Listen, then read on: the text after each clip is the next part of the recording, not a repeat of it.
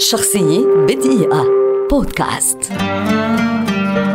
فرانس كافكا كاتب تشيكي كتب بالألمانية ولد عام 1883 يعد أحد أفضل أدباء اللغة الألمانية في فن الرواية والقصة القصيرة وتصنف أعماله بكونها واقعية عجائبية وهو رائد الكتابة الكابوسية.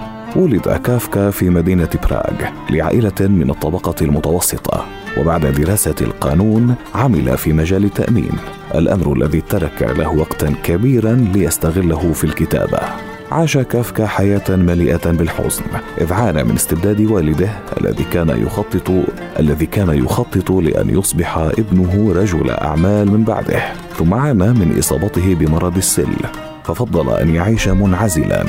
وعلى مدار حياته كتب كافكا مئات الرسائل للعائلة والأصدقاء المقربين بما في ذلك والده رغم العلاقة السيئة التي تربطهما.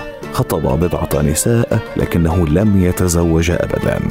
لم تحظى مؤلفات رائد الكابوسية بالشهرة التي تستحقها في حياته ولم ينشر من أعماله إلا القليل مثل مجموعة قصصية تحت اسم تأمل وأخرى بعنوان طبيب ريفي والمسخ التي نشرت في مجلة أدبية ولم تحظى باهتمام وقتها ثم أصبحت بعد ذلك أكثر أعماله شهرة. وكذلك المحاكمة والقلعة والرجل الذي اختفى. وقد نشر أعماله بعد وفاته صديقه المقرب ماكس برود الذي لم يستجب لطلب كافكا بإتلاف كل كتاباته.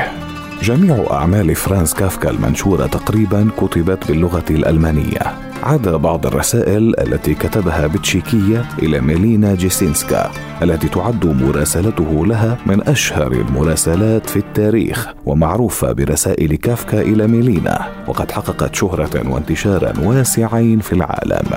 أحرق كافكا ما يقارب التسعين بالمئة من أعماله ولم يكتب نهايات للروايات التي نشرت له. وقد صنفت أعماله بأنها واقعية عجائبية إذ يختار أغلب أبطالها من غريب الأطوار. كما يتناول في أعماله مواضيع نفسية منها العبثية القلق والذعر الشعور بالذنب والاغتراب الاجتماعي. عام 1924 رحل فرانس كافكا عن عمر ناهز الأربعين عاما بعد إصابته بمرض السل. شخصية بدقيقة. بودكاست.